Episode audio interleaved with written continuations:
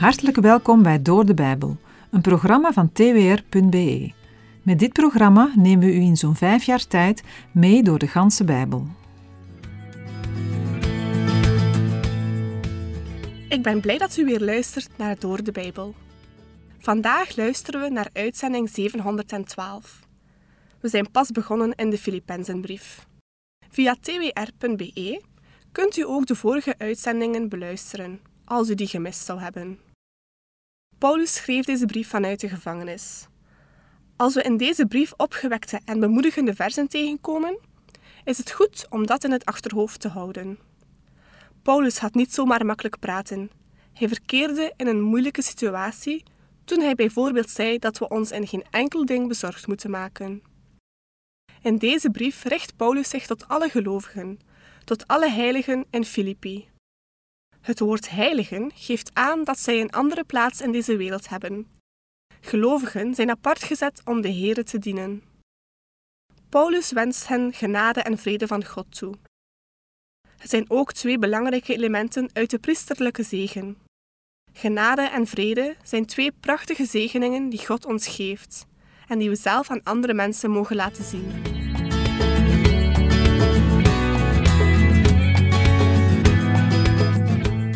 In de vorige uitzending hebben we gelezen over de blijdschap van de apostel Paulus over de inzet en medewerking van de gelovigen uit Filippi aan het bekendmaken van het goede nieuws, het evangelie van Jezus Christus.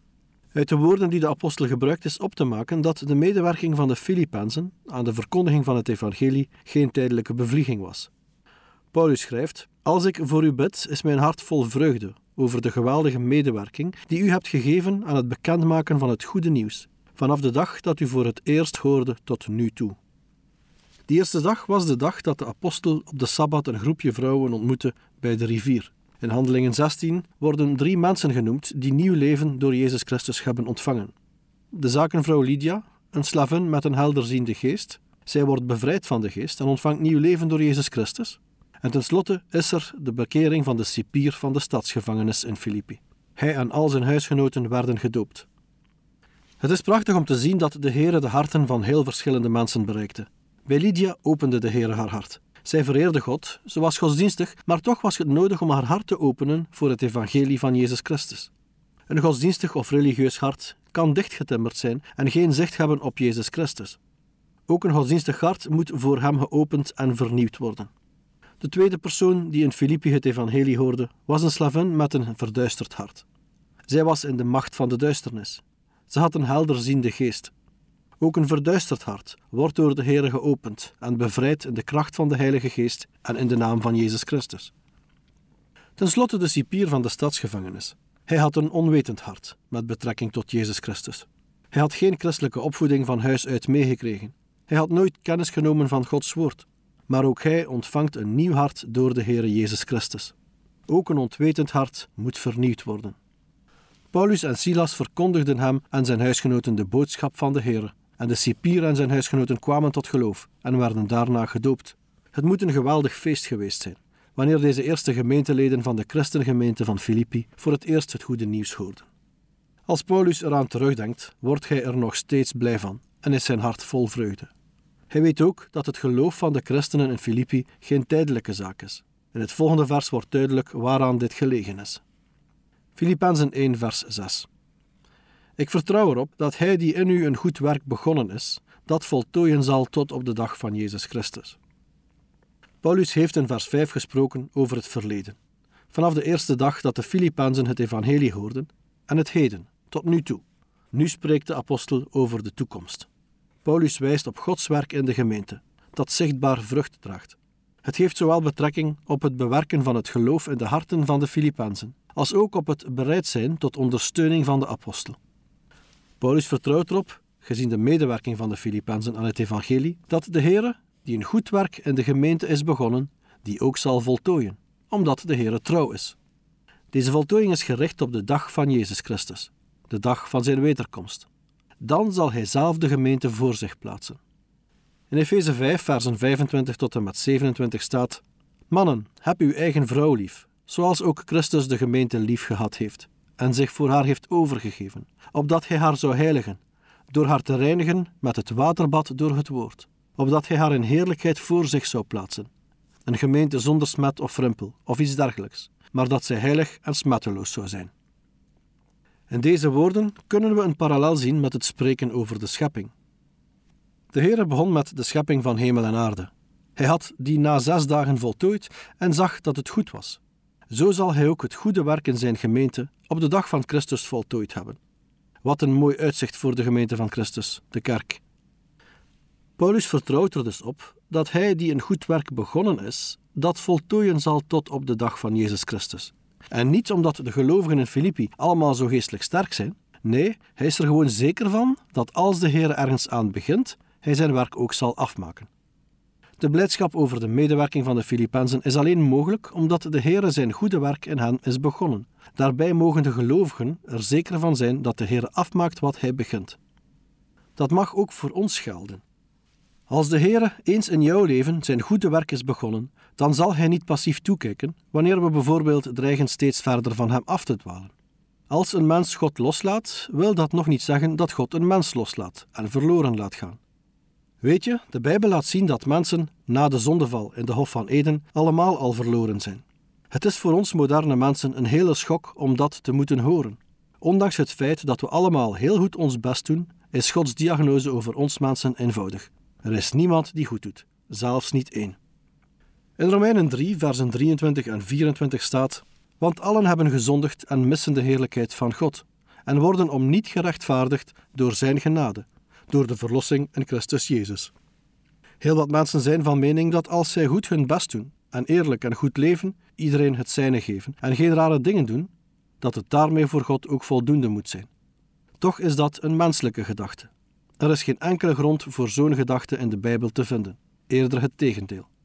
Hoe kunnen ze geloven dat God de Vader zijn zoon aan een kruis zou opofferen om ons mensen te redden als dat helemaal niet nodig was geweest? Christus heeft zijn leven gegeven, opdat een ieder die in hem gelooft voor altijd vrede met God ontvangt en in zijn vrijheid mag leven. De Heer heeft er alles aan gedaan om jou en mij te redden, maar als we zijn redding niet aanvaarden, dan zijn we zelf verantwoordelijk voor de consequenties.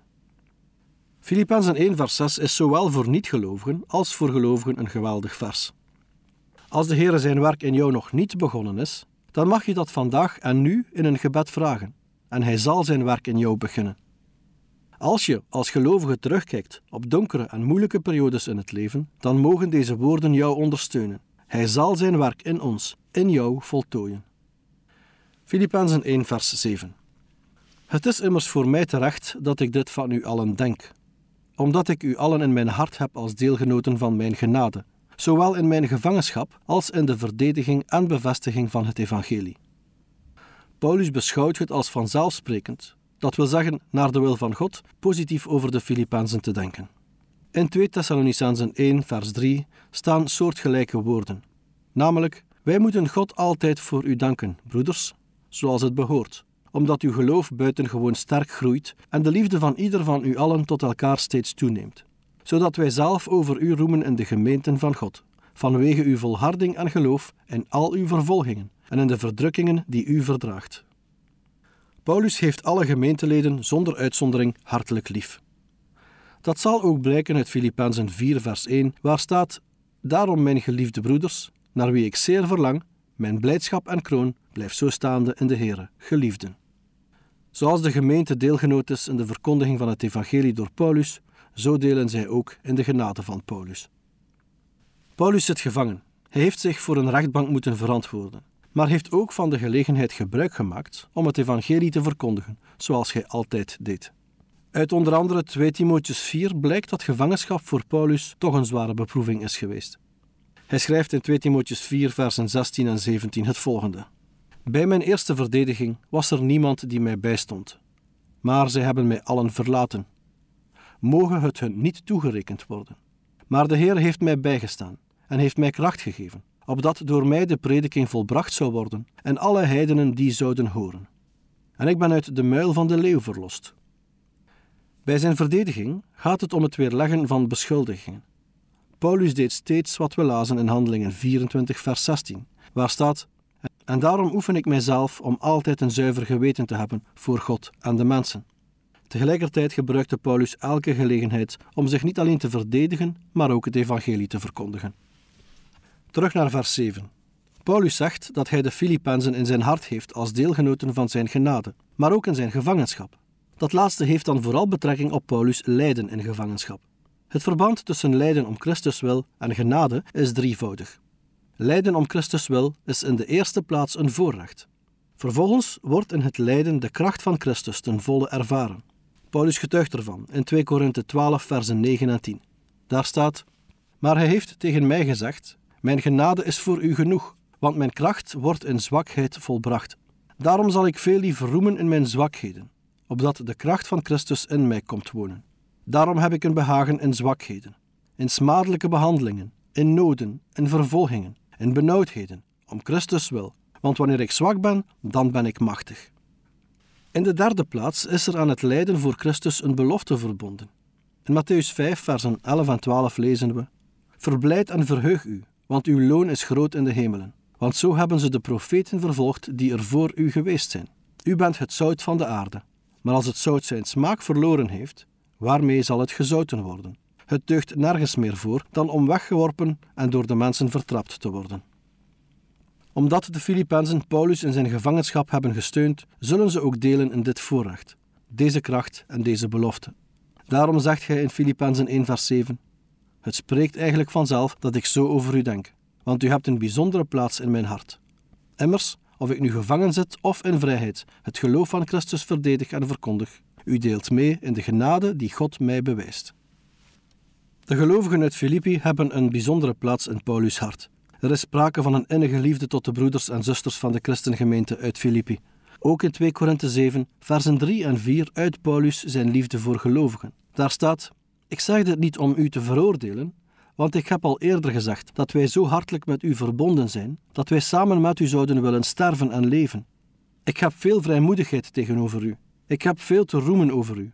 Ik ben vol van vertroosting en word overstaald met blijdschap in al onze verdrukking. Toch voelt Paulus zich meer dan normaal betrokken bij de Filippenzen. Het is geweldig voor een zendeling of evangelist om zulke christelijke vrienden te hebben.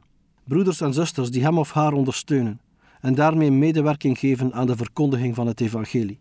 Het schept een bijzondere band en het maakt duidelijk dat we elkaar aanvullen. Gelovigen moeten niet allemaal hetzelfde doen. De Heere geeft ook verschillende haven en talenten, maar niemand kan gemist worden. De Heere gebruikt al zijn kinderen voor het uitvoeren van zijn grote opdracht, op weg naar de grote dag van Christus Jezus.